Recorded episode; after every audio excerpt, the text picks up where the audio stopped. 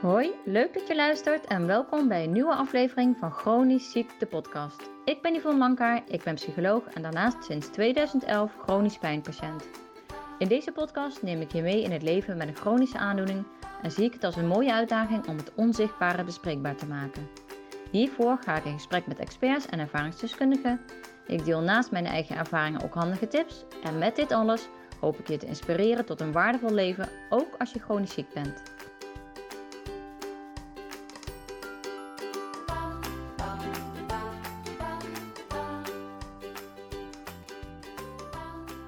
Yes, vandaag een aflevering over rolveranderingen. Ik denk dat je het wel herkent. Ik zie mezelf inmiddels veel minder, maar ik heb mezelf heel lang gezien als een Yvonne voor en een Yvonne na. En natuurlijk zie ik dat nog steeds wel zo, want er is gewoon heel veel veranderd. En waarschijnlijk herken jij dat ook wel. Je hebt een persoon voor je klachten en een persoon na je klachten. Want wanneer je chronische klachten krijgt, dan verandert er gewoon ontzettend veel in je leven. Misschien heb je een chronische ziekte, diagnose gekregen, was dat het moment. Misschien zijn je klachten gewoon steeds verder verergerd en nou ja, is het erin geslopen, zeg maar. Er is niet altijd een hele duidelijke scheiding. Zo heb ik nadat mijn klachten begonnen eigenlijk nog heel lang geprobeerd de oude Yvonne te blijven, zeg maar. Ik wilde die oude Yvonne niet loslaten, dus ik ben heel lang... Uh, ik heb heel lang geprobeerd om alles te blijven doen, alle rollen te blijven vervullen, die ik daarvoor ook gewoon vervulde. Sommigen misschien al wel iets sneller op een lager pitje, maar ja, ik bleef eigenlijk de oude patronen in stand houden. En dan kun je denken aan, in mijn geval heb ik geprobeerd om voetbal te blijven doen. En nou ja, dat viel ik al heel snel op uit, maar echt loslaten, dat heeft wel een paar jaar geduurd. Dus ik heb een tijdje gewoon toch geprobeerd en langs de lijn. En nou ja, echt loslaten van zo'n rol is dan gewoon heel lastig. En sommige gevallen heb ik pas jaren later definitief afscheid moeten nemen. Ik ben bijvoorbeeld op een gegeven moment naar een aantal jaren uitgevallen op werk. Dat is, ik denk, ja, een jaar of drie, vier na het begin van mijn klachten geweest. Dus er heeft best wel wat tijd tussen gezeten. Nou, dan kom je in de ziektewet, daar zitten dan nog twee jaar tussen. Daarna ben ik uiteindelijk afgekeurd en uiteindelijk dan weer met mijn eigen praktijk aan de slag gegaan. Maar die rol van werknemer heb je dan bijvoorbeeld, of van collega. Nou, daar heb ik in, in fases dus steeds verder afscheid van moeten nemen. Wat bedoel ik nou met een rol? Nou, je kunt denken aan vader en moeder, vader of moeder. Vader en moeder is een beetje lastig, vader of moeder. Broer of zus, een partner zijn, een zoon of een dochter zijn, een werknemer zijn, een collega, een vriend of vriendin zijn, een buurman of een buurvrouw zijn, een teamlid zijn van een vereniging bijvoorbeeld. Nou, zo heb je een heleboel rollen. Een moeder of een vader op een schoolplein zijn, dat is eigenlijk ook alweer een andere soort rol. En wanneer chronische klachten gaan spelen, dan verandert er gewoon heel veel. En bijna altijd verandert er ook iets in die rollen die ik net noemde. Je hebt niet meer het lijf en niet meer de energie of de kracht om alles te blijven doen zoals je dat eigenlijk altijd gedaan hebt. Nou, soms is die verandering dus plotseling, zoals ik al zei, en soms neem je geleidelijk steeds verder afscheid van een rol en daarmee dus eigenlijk ook van een stukje van jezelf. En of het nou ineens of geleidelijk gaat, in feite is het vergelijkbaar met een rouwproces. Je zult moeten loslaten. Jouw rollen duiden wie jij bent en je weet daarmee dus ook wat er van je verwacht wordt. En op het algemeen kun je daaraan voldoen of heb je daar heel lang aan kunnen voldoen. Maar als dat allemaal in één keer op zijn kop staat, dan weet je dat dus allemaal niet meer. Dus er is veel meer onzekerheid en twijfel aan jezelf ook. En je kunt steeds vaker twijfelen aan jezelf.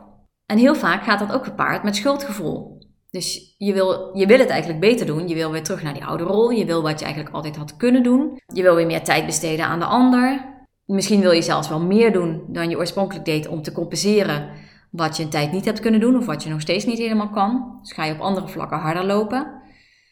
En misschien heb je, dus, heb je dus ook echt definitief afscheid moeten nemen van bepaalde rollen. Dus dat kan vaak op het gebied van werk zijn of een hobby. Maar het kan ook zijn dat je sommige vrienden kwijtgeraakt bent of los hebt moeten laten. Dus het gaat heel vaak gepaard met frustratie, verdriet, schuldgevoel, angst, boosheid. Alles wat je in één keer niet meer kan door je klachten en waardoor je het gevoel krijgt dat je tekortschiet. Rolverandering dus. Hoe ga je daar nou mee om? Hoe accepteer je dat je niet alles meer kan wat je kon? En hoe accepteer je dat je niet meer de persoon bent die je ooit was? Dus hoe ga je dan door met je leven wat soms niet meer voelt als jouw leven? Wat, dat jij niet meer voelt als de persoon die je ooit was. En dat je dat mist, ontzettend mist waarschijnlijk. Heel vaak hoor ik de vraag: Ik vind het moeilijk om de zin van het leven te zien. Ik heb het gevoel dat ik geen plek of geen doel meer heb. Hoe ga ik daarmee om? Of ik heb het gevoel dat ik te weinig toevoeg aan de maatschappij. Hoe geef ik dat gevoel een plek? Ik probeer me sterk te houden om anderen niet tot last te zijn. Hoe kan ik dat veranderen? Of hoe zorg ik ervoor dat mijn relatie gelijkwaardig blijft, ondanks de klachten en de hulp die ik nodig heb? Super moeilijke vragen en ook geen pasklare antwoorden, helaas. Maar de sleutel hierin is natuurlijk communicatie. Uitleggen aan de ander hoe het voor jou is, hoe het voor jou is dat je dit allemaal mist, of dat je je schuldig voelt, of dat je het gevoel hebt dat je tekort schiet. Dus jezelf kwetsbaar op durven stellen door je angsten op tafel te gooien. Duidelijk aangeven wat je lastig vindt en ook als dat juist hulp ontvangen is, als je dat lastig vindt. Maar ook vragen hoe het voor de ander is om jou meer te helpen, of hoe het voor de ander is Ehm, dat jij veranderd bent. Of wat er voor hem of haar lastig is in deze situatie. Of wat jij voor die ander zou kunnen doen. En voor die ander zou kunnen zijn. Dus de vraag is: heb jij deze gesprekken recent nog gevoerd? Met je partner of met een vriend of vriendin of met je vader of je moeder of je kinderen of je leidinggevende of je collega's? Want bij iedere rol zal dit gesprek er anders uitzien. Maar mijn ervaring is dat bij ieder gesprek er heel veel opheldering zal ontstaan. Dat het heel veel erkenning geeft van gevoel van beide kanten, heel veel steun. Vooral de vraag over en weer, wat heb je nodig? Dat is natuurlijk een super belangrijke, want ik weet dat jij er heel snel voorbij gaat, maar die ander in de zorgrol soms ook. Omdat hij zich schuldig voelt en niet de aandacht naar zich toe wil trekken, omdat jij al genoeg aan je hoofd hebt. Dus zo'n gesprek dwingt allebei na te denken over wat je zelf nodig hebt, wat jij wil, waar je behoefte aan hebt. En vanuit die verbinding met jezelf de verbinding weer aan te gaan met de ander. Dus het geeft ruimte om samen jullie weg te vinden in die verandering van die rollen. En dat neemt natuurlijk niet weg dat het gewoon ontzettend moeilijk is en dat het dus ook een rouwproces is wanneer je, nou ja, tijdelijk, maar soms ook definitief afscheid moet nemen van delen van je eigen persoon die zo vertrouwd waren voor jou. Je weet niet beter dan dat je de ambitieuze collega bent. Misschien weet je niet beter dan dat je een fanatieke sporter bent. Misschien weet je niet beter dan dat je een actieve vader of moeder bent. Misschien weet je niet beter dan dat je een gezellige en energieke vriend of vriendin bent. Misschien weet je niet beter dan dat je een zorgzame zoon of dochter bent. En ineens moet je daarin terugschakelen of zelfs afscheid nemen dat dat gewoon echt helemaal niet meer lukt. Sta daar dus bij stil, rouw en deel erover met anderen. Laat het verdriet er zijn, de frustratie en de boosheid. Zorg vooral ook dat er iets voor in de plaats komt, want dat wordt heel vaak vergeten, maar dat is zo belangrijk. Want je kunt zo in rouw en verdriet en boosheid blijven hangen op het moment dat, dat er alleen maar uh, verlies is en dat er niks voor in de plaats komt. Persoonlijk waren sport en werk voor mij twee superbelangrijke rollen waar ik afscheid in moest nemen. Nou, door mijn klachten kon ik dus niet meer voetballen, terwijl ik dat op dat moment al 20 jaar deed. Als klein meisje van 5 stapte ik voor het eerst het voetbalveld op, om er daarna nooit meer af te stappen en uh, met super, super veel plezier iedere week nou, drie keer op het veld te staan. Dus het moment dat ik echt de knoop door moest hakken dat dat niet meer ging, ja, was super pijnlijk en verdrietig. Voetbal was echt een groot deel van mijn leven en een heel groot deel van mijn identiteit. Ik kon er ontzettend veel in kwijt en haalde er tegelijkertijd veel uit. Eigenwaarde, zelfvertrouwen, plezier, ontspanning. Nou, vast nog wel heel veel meer wat nu even niet te binnen schiet. Maar ik haalde er ontzettend veel uit wat mijn persoon definieerde voor mijn gevoel.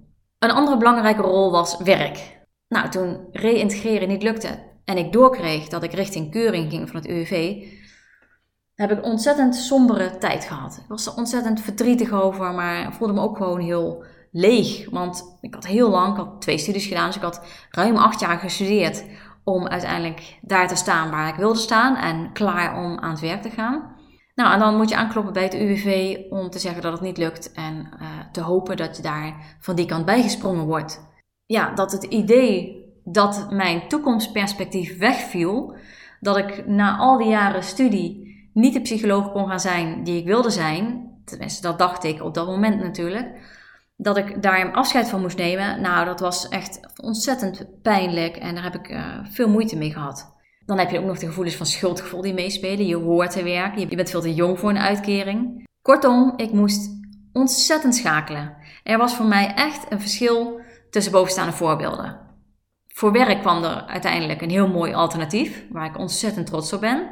Waar ik mijn zelfvertrouwen weer mee kon opbouwen, mijn zelfbeeld weer mee kon versterken.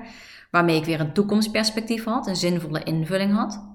En voor voetbal is dat alternatief eigenlijk nooit gekomen. Dus dat blijft altijd een rauw randje houden.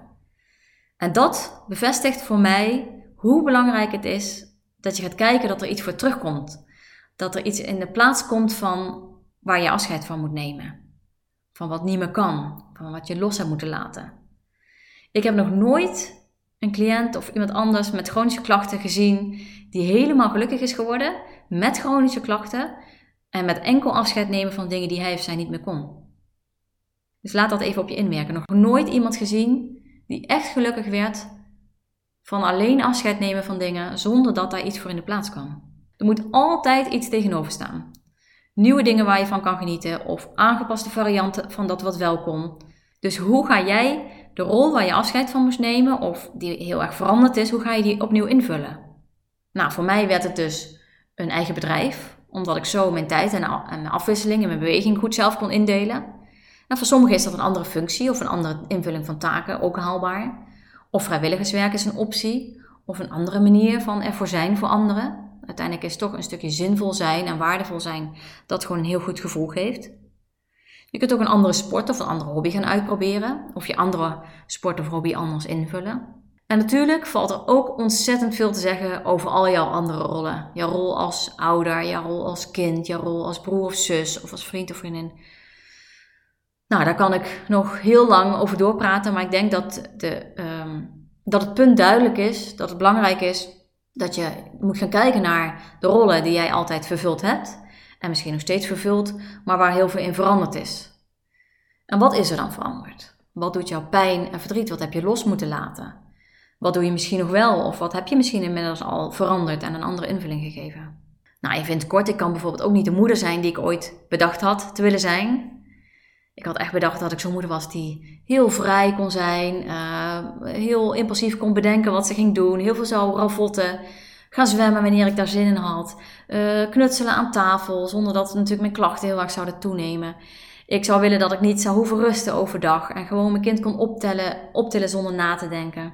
Dus dat brengt natuurlijk ook nog steeds vervelende momenten met zich mee. En ja, die momenten die mogen er ook zijn. Dus sta erbij stil, praat erover, kijk wat je wel kan doen. Dus zoek naar die nieuwe invulling. Wie ben jij dan nu als moeder? En hoe kun je daar vrede mee hebben? Wat is voor jou de kern van die rol? En hoe kun je daaraan voldoen? Dus wat vind jij nou eigenlijk het allerbelangrijkste aan moeder zijn? En meestal zit in die kern niet dat je mee knutselt of dat je uren mee in de speeltuin uh, zit of impulsief gaat bedenken dat je samen gaat zwemmen. Maar meestal zit hem dat in dat stuk liefde geven, je kind uh, goed en veilig op laten groeien, uh, een stevige uh, volwassene ervan proberen te maken met veel zelfvertrouwen. Dat zijn vaak de, belangrijkere dingen van je rol als ouder. iemand, je kind dingen laten ontdekken. dingen leren. Nou, dat hoeven echt niet allemaal dingen, fysieke dingen te zijn die jij misschien niet meer kan. Dus heel veel daaromheen is ruis die we zelf, onszelf wijsmaken door onze eigen hoge lat en door onze eigen verwachtingen die we vroeger misschien hadden en die we nu niet kunnen waarmaken. Dus mijn vraag aan jou is: hoe is dit voor jou? Kun je eens een overzicht maken van de rollen die jij hebt en kies daar dan eens drie belangrijke rollen uit en ga die eens uitwerken. Wat, uh, wat zijn belangrijke dingen voor jou in die rol? Waar kun je aan voldoen? Waar kun je niet meer aan voldoen? Wat mis je daarvan? Wat is er veranderd? Uh, hoe had je het graag gezien? Wat uh, heb je voor alternatieven gevonden? Wat zou je voor alternatieven kunnen doen? Maar vooral dus echt kijken naar de essentie van die rol. Wat vind jij nou echt het allerbelangrijkste in jouw rol als vriend of vriendin? Nou, als ik naar mezelf kijk, bijvoorbeeld echt er zijn voor diegene. Nou, daar kan ik ook, uh, ook al heb ik mijn fysieke klachten, ik kan er misschien niet zo vaak naartoe als ik zou willen. En ik moet misschien accepteren dat mensen wat vaker hierheen komen, maar ik kan nog steeds door middel van berichtjes of een keer een kaartje of attent zijn, uh, zorgen dat ik op de hoogte blijf hoe het met iemand gaat, een keer bellen. Dus je kan natuurlijk daarin veel meer doen dan je belemmerd wordt door je fysieke klachten. Of bijvoorbeeld je rol als partner, wat is daar voor jou het allerbelangrijkste in? Of je rol als dochter naar je ouders toe of als eh, broer of zus. Ga die rollen eens na en eh, misschien kun je ze met de tijd, de, loop van de tijd, allemaal een keer um, nou ja, onder de loep nemen. Maar begin niet met allemaal, begin eens met één of twee of drie. Dat je zegt van nou, nou ja, begin met één, maar eh, probeer er misschien eens drie uit te werken voor nu. Dat je zegt, um, ja, wat is die kern en hoe kan ik daar aan voldoen? En wat is ruis? Dus stel jezelf deze vragen eens die ik in deze podcast uh, gesteld heb aan mijzelf, maar uh, nou ja, daarmee dus ook aan jullie. En hoe kun je dan invulling gaan geven aan die nieuwe rol, na die rolverandering? Nou, dit is wat ik uh, jullie mee wilde geven in het stukje rolverandering. Ik ben benieuwd wat jullie daarmee kunnen, wat je eruit haalt, wat eruit komt op het moment dat je die rollen gaat uitschrijven. En uh, nou ja, heel veel succes daarmee. En ik hoor heel graag uh, terug wat je eraan gehad hebt. Voor nu een hele fijne dag en wederom natuurlijk weer super bedankt voor het luisteren. Superleuk dat je weer luisterde naar een aflevering van Chronisch Ziekte Podcast. Ik hoop dat het je nieuwe inzichten en inspiratie opgeleverd heeft. Laat het me vooral weten op Instagram waar je me kunt vinden op Yvonne Psycholoog. Laat daar ook je vragen achter die ik eventueel mee kan nemen in een nieuwe aflevering. Wil jij een centje krijgen wanneer er weer een nieuwe aflevering van Chronisch Ziekte Podcast online komt? Abonneer je dan op dit kanaal op je Spotify app of op iTunes. En ik zou het echt super tof vinden wanneer je hier een review achter wil laten. Daarmee help je mij meer mensen te bereiken en daar word ik dan weer heel blij van. Tot de volgende aflevering en nog een hele mooie dag gewenst.